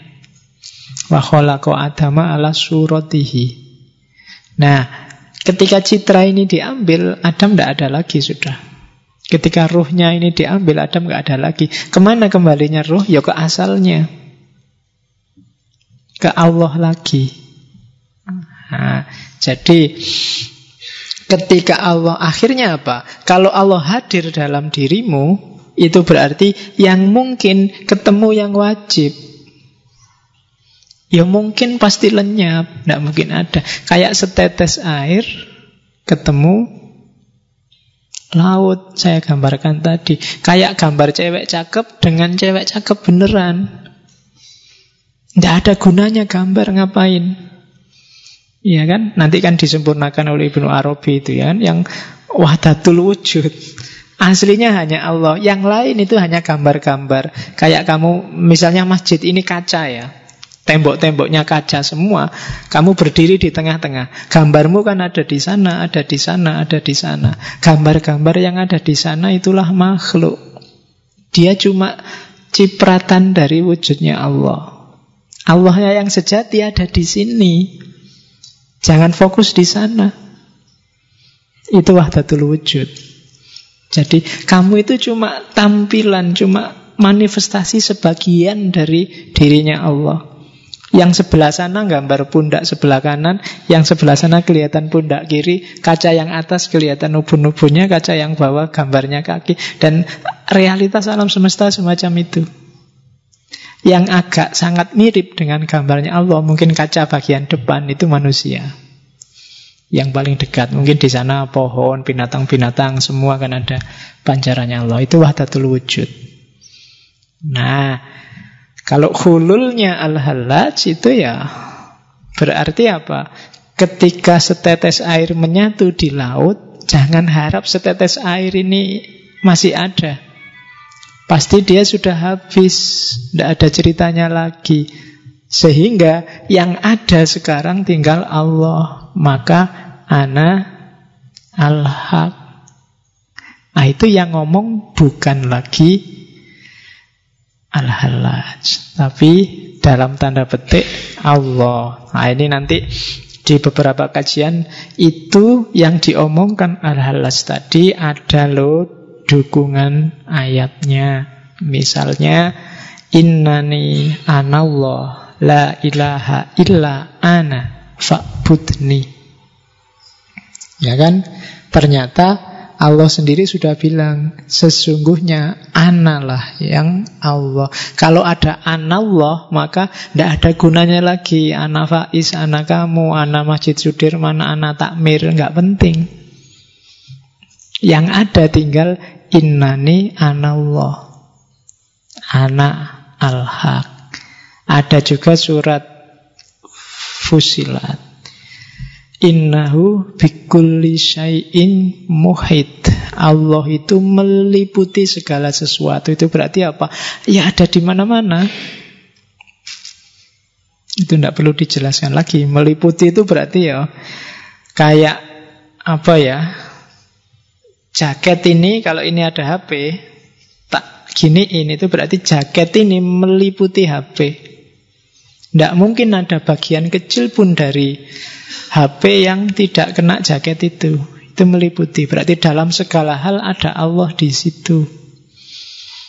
Dan Allah sendiri bilang, ini nanti yang dipakai sesi tijenar, wa nahnu akrobu ilaihi min hablil warid. Aku lebih dekat dengannya dibandingkan hablil warid itu ini. Jadi nadi yang di leher. Ya nadi yang di leher ini kan kuncinya. Kalau nggak percaya kamu nyari silat coba dikit aja seret gitu. ya, cobaan dikit ya. Itu itu maksudnya apa? Loh, lebih dekat dibandingkan nyawamu sendiri. Akrobu ilahi min hablil warid itu. Berarti apa? Ya Allah itu ada dalam diri kita. Wong sama ini aja ya lebih dekat, kurang dekat. Kamu sama pacarmu dalam-dalamnya kan paling cuma nempel. Itu lebih dari hablil warid. Jadi nahnu akrobu ilahi min hablil warid. Oke. Dan seterusnya lah nanti ngajinya panjang kalau dibaca satu-satu. Termasuk yang terakhir itu wama romaita idromaita walakin Allah roma. Kalau kamu melempar, bukan kamu yang melempar, tapi Allah yang melempar. Kalau kamu minum,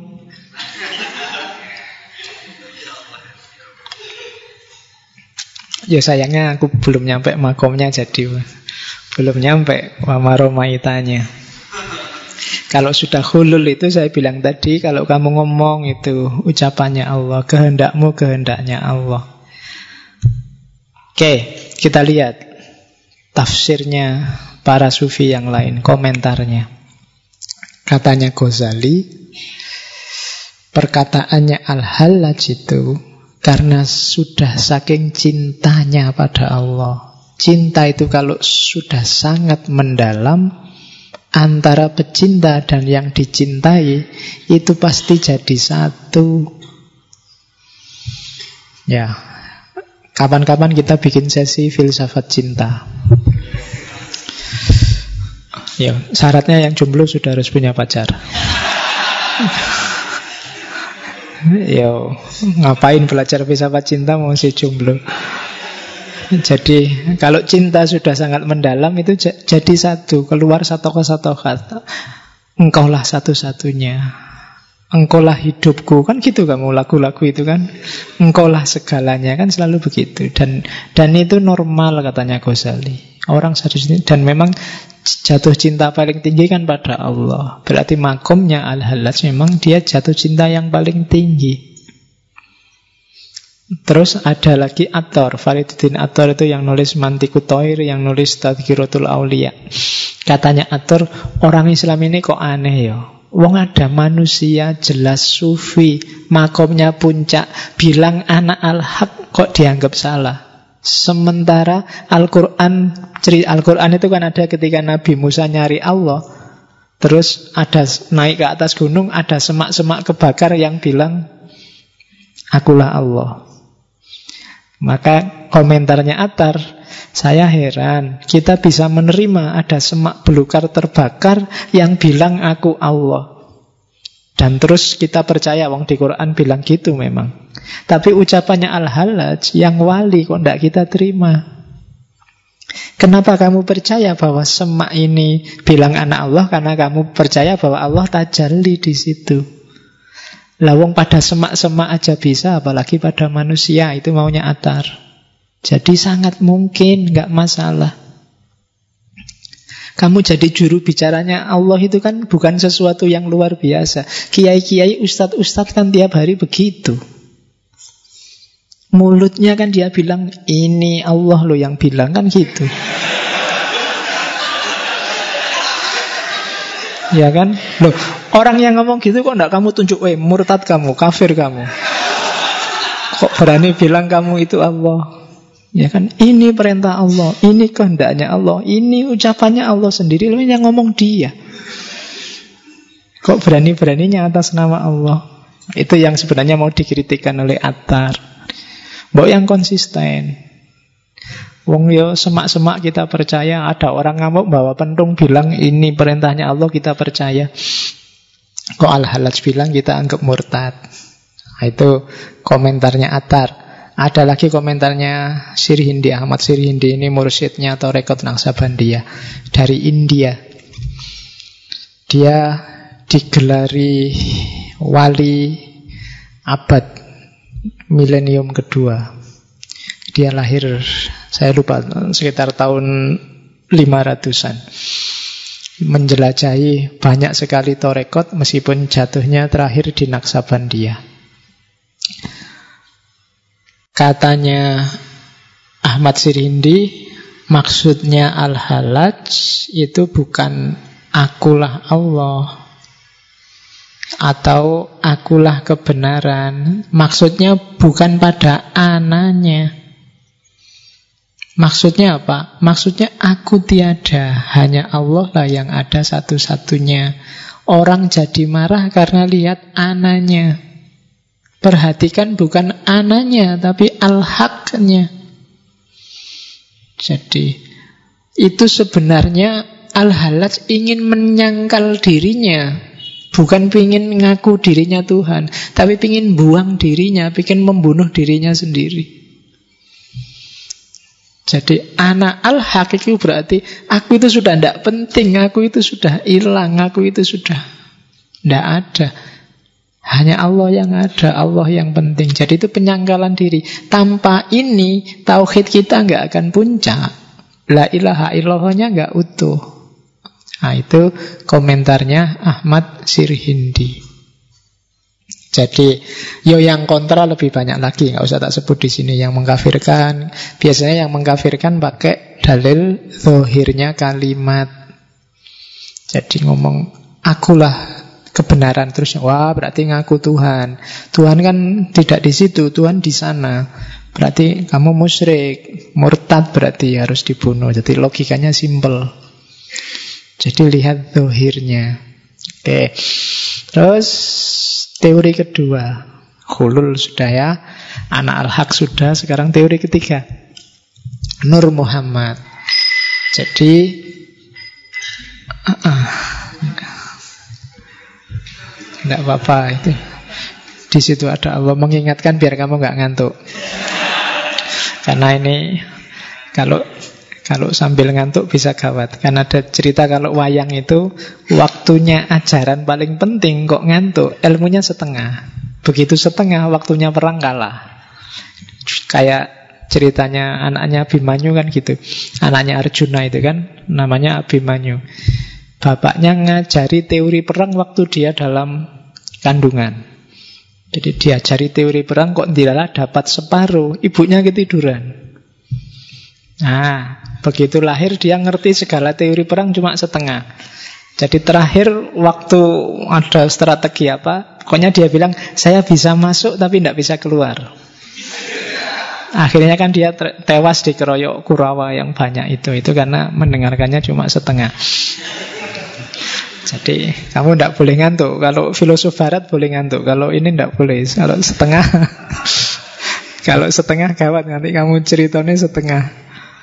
Jadi Nur Muhammad itu Ini kalau bahasa lainnya namanya Muhammad yang spiritual. Makhluk pertama yang melimpah dari Allah.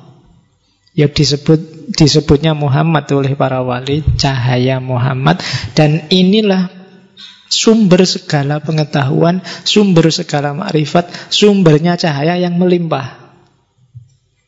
Dalam diri setiap makhluk ada kandungan nurnya masing-masing. Semakin dia jauh dari pusatnya cahaya, ya semakin redup sinarnya. Jadi sinar ini namanya Nur Muhammad.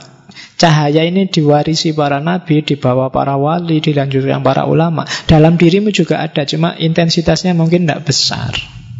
Ya besarkan sendiri. Dengan cara apa? Mendekati cahaya. Bahkan kalau kamu bisa bersatu dengan Nur Muhammad, di situlah kamu mengalami hulul. Karena tidak mungkin kamu mencapai Nur Muhammad kalau masih terkungkung oleh nasut, sifat kemanusiaan. Jadi cahaya yang tadi Allah bilang wanafakhofihi min ruhi dalam dirimu, wujudnya apa? Nur Muhammad. Yang inilah nanti ketika dia hidup dia kompatibel sama Allah sehingga Allah bisa masuk. Ketika dia hidup dalam dirimu. Nah, jadi ini yang dibawa oleh para nabi. Para nabi nurnya pasti besar. Diwaris-wariskan terus dari para nabi terakhir Nabi Muhammad. Nah, Nur Muhammad ini sifatnya sangat spiritual. Oleh karena itu, katanya Ibnu Arabi, manifestasi dari Nur Muhammad sebenarnya yang lebih sempurna ada pada Nabi Isa. Jadi Nabi Isa itu cara hidupnya kan sufi 100%. Jadi kemarin diulang lagi ya waktu ke sesinya Isa. Jadi dia mulai gaya hidup, ajaran, sampai macam-macam pernik-pernik hidupnya itu kan sufi. Maka katanya Ibnu Arabi, contoh idealnya Nur Muhammad itu Nabi Isa. Kok bukan Nabi Muhammad? Tidak. Katanya katanya Halaj, Nabi Muhammad itu paling bagus karena dia bisa kombinasi dan bolak-balik antara sisi kemanusiaan, sisi ketuhanan demi umatnya.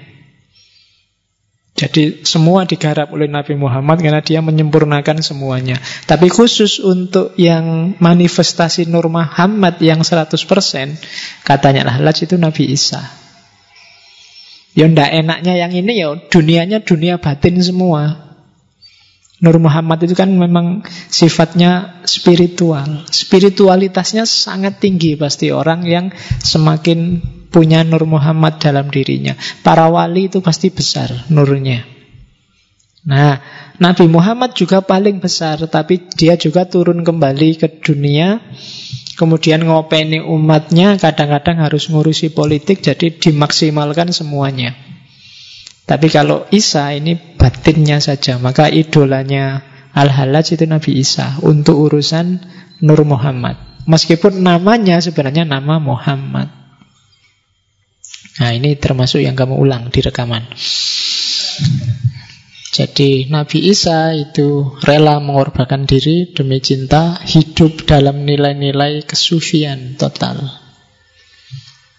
Oke, jadi kalau hidupmu ingin mencapai hulul tadi, mencapai puncak pengalaman ketuhanan, jangkaulah Nur Muhammad.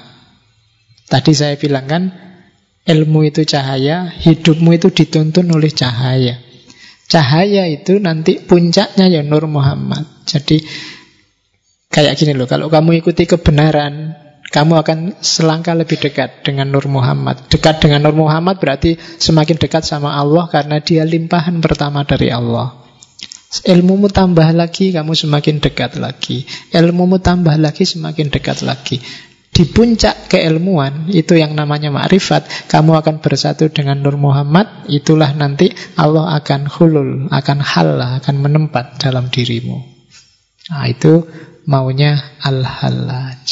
Jadi, untuk jadi orang baik, syaratnya ilmunya harus tambah, cahayamu akan semakin banyak. Semakin banyak ilmu, derajat. Makanya Allah bilang derajatmu akan semakin tinggi. Karena nurmu semakin banyak cahayamu. Jadi tidak usah milih-milih kalau ilmu perbanyak aja dan nyari ilmu yang bikin kamu semakin dekat sama Allah. Jangan nyari ilmu yang bikin kamu menjauh dari Allah. Sekarang kan banyak pengetahuan yang sebenarnya itu tidak penting, kamu tidak harus tahu, tapi, kamu maksain tahu sehingga bikin kamu jauh sama Allah. Ya kamu sendiri bisa milah mana pengetahuan yang bikin kamu semakin jauh sama Allah. Ya di WA-WA kan banyak kadang-kadang. Oke. Okay. Oh ya kan teknik memikat lawan jenis terus di WA terus cara kan kayak kayak gitu banyak itu kalau memang kamu merasa tidak penting ah tidak bikin aku tambah dekat sama Allah mending ah sudahlah nggak usah capek-capek baca baca yang lain nah, itu nurmu akan semakin banyak karena begitu ada sesuatu yang tadi tidak bikin kamu dekat berarti kan lawannya bikin kamu semakin jauh. Semakin kamu jauh semakin kamu gelap. Karena semakin menjauh dari cahaya. Semakin kamu gelap Semakin kamu nggak ngerti di depanmu ini mikrofon apa laptop. Maka yang benar, yang salah kamu anggap benar Bisa benar kamu anggap salah. Itu nanti arahnya ke Taholak bi ahlakillah Arahnya ke moral. Oke Jadi itu teori Nur Muhammad Dan hampir semua sufi Baik yang wahdatul wujud Hulul ittihad Jatuhnya pada wahdatul adyan. Agama-agama itu hanya cara setiap orang untuk ketemu Tuhannya. Jadi dia tidak utama dan yang pertama. Kita lihat langsung puisinya ya. Tafakkartu fil adiyani jadda tahakkukin fa'alfaituha aslan lahu sa'ban jamma. Fala tatlubanna lil mar'i dinan fa innahu yashuddu anil aslil wasik wa innama yutolibuhu aslun yukbaru indahu jami'al ma'ali wal ma'ani fayufhima Sesungguhnya aku telah merenung tentang agama-agama Aku temukan satu akar yang begitu banyak cabang. Jangan kau paksa orang memeluk satu agama, karena akan memalingkannya dari akarnya yang menghunjam tanah. Biarlah dia mencari akarnya, akar itu akan menyingkap seluruh keanggunan dan sejuta makna. Lalu dia akan memahaminya. Balik ke sini. Katanya Al-Halaj, agama itu skenario-nya Allah. Kalian sudah di skenario untuk jadi muslim. Yang lain memang di skenario Allah untuk jadi Kristen. Maka jangan maksa orang pindah agama. Seolah-olah kamu harus bebas mikir ya pindah agama. Padahal kamu sendiri nggak bebas. Kamu dulu jadi Islam kan ya karena bapakmu Islam lahir di lingkungan umat Islam. Yang Kristen juga begitu, yang Hindu juga begitu. Itu sudah skenario-nya Allah katanya Al-Halaj. Jangan maksa-maksa orang pindah agama. Dia akan kehilangan akarnya. Dia akan lepas dari hikmah yang sudah dijalin sejak dia kecil. Biarkan aja di situ pada puncaknya semua akan bertemu. Ketika orang pindah agama itu kan kayak orang ngulang lagi prosesnya dari nol, spiritualitasnya jadi netral lagi. Nah, itu wejangannya Al-Halas. Jadi ya nanti mirip Ibnu Arabi juga begitu, Rumi dengan cintanya juga begitu. Jadi sudahlah kamu jadi muslim, ya sudah. Nik nikmati di situ, perdalam di situ. Tidak usah marah-marah maksa orang masuk Islam. Biar aja yang Kristen, biar aja yang Hindu, akarnya nanti sama. Itu nanti itu yang disebut wahdatul adian. Setiap agama sama tapi tidak usah dibahas. Jalani aja sesuai agamamu masing-masing. Kalau dibahas nanti mesti gegeran. Terus kamu marah-marah. Ya enggak, ya Islam yang paling benar. Iya, Islam paling benar, makanya jadi Islam yang benar kan gitu aja. Jadi tidak harus rame, tidak harus ngotot. Jalankan aja sesuai akarmu masing-masing. Itu skenario-nya Allah. Terus ini yang kontroversial. Tafsirnya Al-Halas terhadap iblis dan Fir'aun.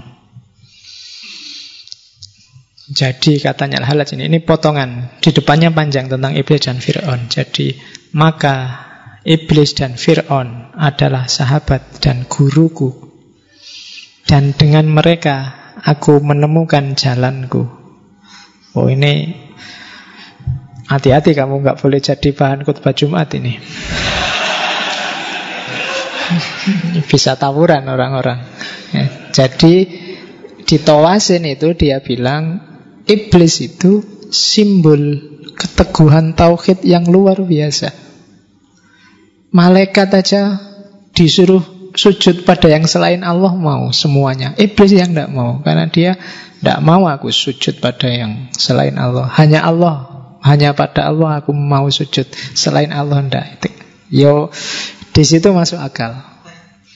Cuma nanti Al-Halat sendiri bantah itu di puisinya. Jadi yang kedua, iblis ini termasuk Fir'aun, ini sudah diskenario untuk oleh Allah. Untuk apa? Untuk pelajaran bagi yang lain. Makanya sahabat dan guruku. Kalau membaca ceritanya Fir'aun terus kamu hanya dapat marah-marahnya, nggak dapat hikmah dan pelajarannya, itu sia-sia Allah ngasih ibroh Fir'aun. Jadi belajarlah dari iblis, belajarlah dari Fir'aun. Kalau kamu belajarnya cuma dari ustadz-ustadz yang di TV, iya, dapatnya cuma iklan.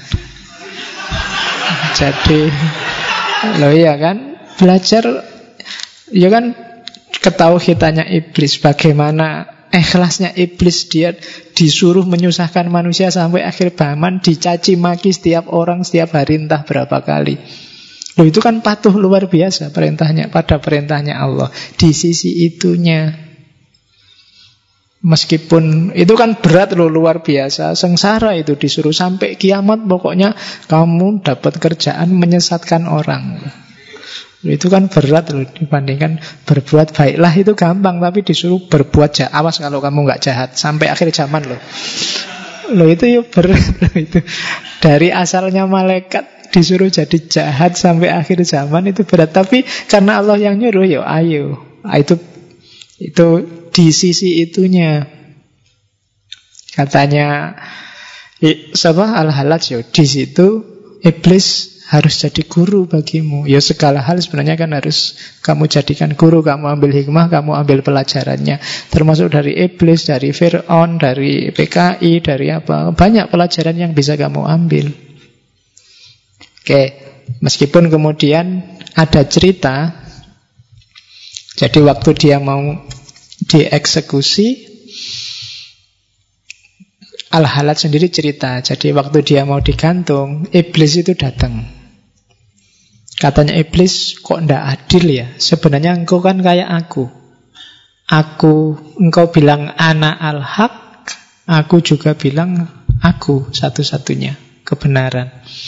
Kan sama. Lah kok kamu disayangi Allah, aku enggak. Lah kok kamu jadi wali, aku malah jadi iblis. Katanya Al-Halaj, enggak. Aku dan engkau sama-sama mengakukan diri masing-masing. Sama-sama bilang ana. Tapi waktu bilang ana, engkau masih melihat dirimu. Sementara waktu aku bilang aku, ya aku ndak ada sudah. Aku tidak lihat diriku sama sekali, aku sudah hilang. Jadi waktu iblis membantah Allah untuk sujud pada Adam, itu dia masih mikir dirinya. Akunya iblis masih ada. Maka lahirnya jadi sombong. Makanya ilustrasinya Al-Quran ke iblis itu kan kesombongan. Bahwa engkau menciptakan dia dari tanah Sementara aku dari api. Masih ada akunya. Katanya Al-Halat Salahmu di situ please Kan gitu. Ya Ya kan namanya iblis yang nyuruh elak please Jadi sementara kalau aku Waktu aku bilang anak al-haq Itu aku sudah nggak nggak nganggap diriku ada sama sekali nggak ada, egoku sudah hilang. Itu yang jadi kebalikannya. Aku disayang Allah, engkau dikutuk oleh Allah. Jadi akunya, salahnya Fir'aun juga begitu. Karena dia bilang anak al-haq kayak al-halaj. Dia bilang aku Tuhan kan, mirip-mirip aja kayak Al-Halaj, tapi akunya kelihatan. Egonya yang akunya lebih besar, bukan Tuhannya, bukan Al-Haknya. Kebalikannya Al-Halaj. Begitu dia bilang anak Al-Hak, anaknya sudah nggak ada. Al-Halatnya nggak ada. Yang ada tinggal Tuhannya. Nah itu problemnya di situ. Katanya Al-Halaj. Jadi sebelum dia dieksekusi, dia masih ngobrol dulu sama iblis. ya, saat mau digantung. Karena karena ada banyak cerita ketika itu kan saya bilang tadi dia nunggu satu hari, dia dieksekusinya lama, dirajam itu beberapa momen dia sempat dialog sama sahabat-sahabatnya, termasuk para sufi. Oke, bahkan gurunya sendiri Junaid mengingatkan, eh al-halaj, agak kompromi dikit lah, jangan kaku-kaku. Kalau kamu kaku, nasibnya kayak Socrates kemarin, akhirnya kamu dieksekusi loh. Tapi al-halaj sudah, sudah membayangkan resiko itu. Maka dia bilang wa in tu au tu au kutiat yadaya warijlaya lama tu andakwaya. Meskipun aku dibunuh atau disalib atau dipotong-potong kedua tanganku dan kakiku, aku tidak akan mundur dari yang aku dakwahkan. Nah, Kalimatnya itu pas karena pada akhirnya dia juga dibunuh, juga disalib, juga dipotong-potong tangan dan kakinya karena memang dia mungkin sudah membayangkan ceritanya akan seperti itu. Para wali kan biasanya begitu. Ghazali aja kan dulu tak ceritain gimana dia ngerti bahwa sebentar lagi aku meninggal maka adiknya suruh beli ini kain kafan terus dia mandi sendiri pakai kain kafan sendiri terus berbaring dan meninggal. Loh ya. Kalau bisa, iya, Ghazali itu begitu meninggalnya. Jadi dia sudah siap-siap ngerti, sudah mau dipanggil. Oke, kalau di Jawa kemarin kan ada Ronggo Warsito yang bisa meramal pas kapan dia meninggal. Oke, ini kalimat terakhir yang tadi tak ceritain waktu dia lidahnya mau dipotong. Jadi dia bilang, ya Tuhan, lihatlah hamba-hambamu yang telah berkumpul. Mereka menginginkan kematian demi membelamu dan untuk lebih dekat denganmu. Itu kan orang-orang bilangnya kan memang membela Allah, membela Islam. Maka ya Tuhan ampuni dan kasihi mereka. Mereka itu tidak tahu apa-apa. Andai saja engkau menyingkirkan tirai, menyingkapkan tirai wajahmu Sebagaimana engkau singkapkan kepadaku, niscaya mereka tak akan melakukan ini padaku. Andai saja engkau turunkan tirai wajahmu dariku, sebagaimana engkau menurunkannya dari mereka, niscaya aku tak akan diuji seperti ini. Jadi, waktu terakhir sudah berdarah-darah, sudah tinggal badannya sama kepalanya saja, mau dipotong lidahnya, dia masih berdoa pada yang menyiksa dia. Padahal ceritanya kalau Al-Halaj mau itu dia bisa aja keluar penjara lari. Kan ada ceritanya tiga hari di penjara, hari pertama sipirnya lihat, loh ini kok Al-Halaj hilang. Hari pertama ada, hari kedua Al-Halaj kok hilang. Hari ketiga, loh penjara sama Al-Halajnya hilang. Ya, ada ada ada cerita begitu. Terus waktu ditanya sama kok bisa kayak gitu loh. Hari kedua saya keluar ketemu sama Allah. Maka aku ndak ada di penjara. Hari ketiga Allah yang datang ke sini. Maka penjara sama akunya nggak kelihatan. Jadi jawabannya adalah gitu dan waktu terakhir mau dieksekusi itu dia bisa melepaskan teman-temannya saat penjara, dibebaskan semua sama Al-Halaj. Jadi dia cuma nunjuk itu terus terbuka semua pintu penjara silahkan kalian keluar dan dia sendiri nunggu di dalam. Sipirnya heran, herannya bukan kenapa kok bisa membebaskan karena semua orang sudah tahu karomahnya al-hala. Cuma di, kok sampean nggak ikut lari sekalian? Saya itu beban loh menjara sampean itu.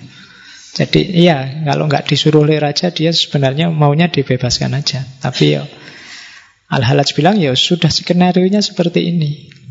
Jadi nanti hikmahnya akan ketemu di belakang dia harus dieksekusi memang sama kayak Socrates kemarin. Kalau dia lari dan pilih hidup enak, ya pengaruh ajarannya nggak akan sedahsyat sekarang. Nah, itu al-halaj.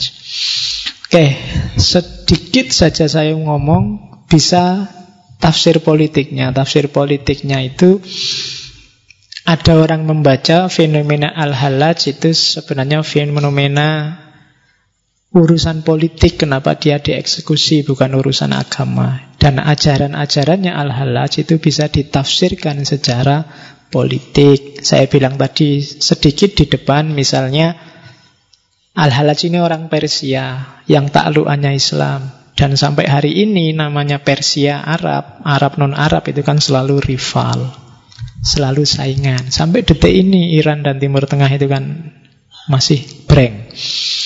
Terus zaman itu orang-orang Persia, orang taklukan itu namanya kelompok Mawali. Jadi orang Mawali itu orang-orang mu'alaf, termasuk orang Persia yang sepinter apa pun dia, sejago apa pun dia, tidak akan bisa jadi pimpinan. Dia harus hanya ngawal, hanya jadi pegawainya orang-orang Arab zaman itu. Dan dianggap karena dianggap tidak pinter agama, dia harus bayar pajak kayak kafir zimmi dan tidak boleh menduduki jabatan. Akhirnya apa? Ajarannya Al-Halas bisa dibaca semacam ini. Hulul itu berarti kayak tadi, setiap manusia punya hak untuk ketemu dengan Allah.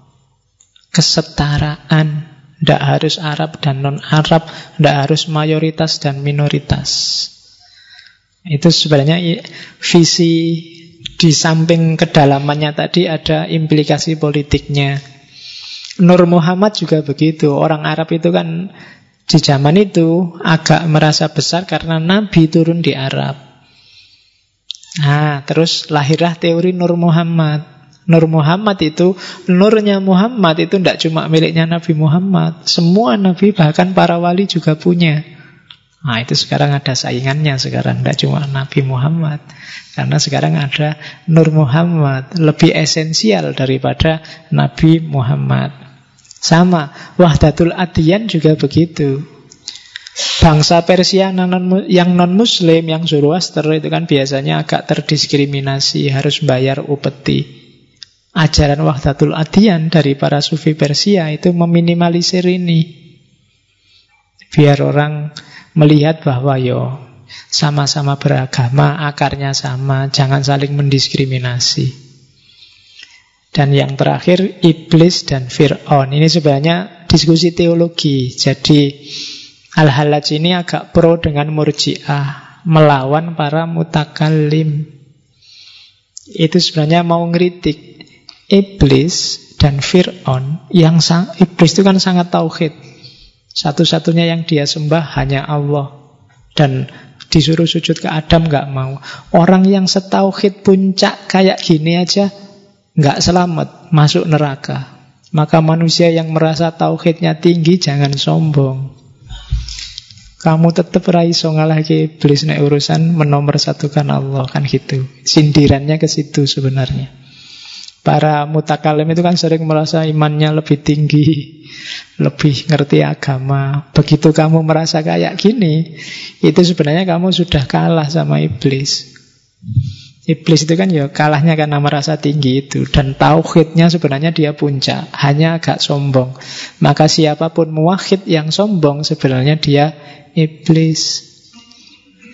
Ya kan gitu. Orang yang mengklaim dirinya beriman, bertauhid, tapi sombong. Pokoknya Allah nomor satu, bela Allah, bela Islam, tapi sombong. Maka dia sebenarnya tipenya tipe kamu yang ngomong bukan aku. Oke, itu kritiknya Al-Halaj. Itu kalau dibaca secara politik. Cuma yang terakhir ini, yang politik ini ini yang bisa kita diskusikan panjang. Silahkan buka forum sendiri untuk bahas ini.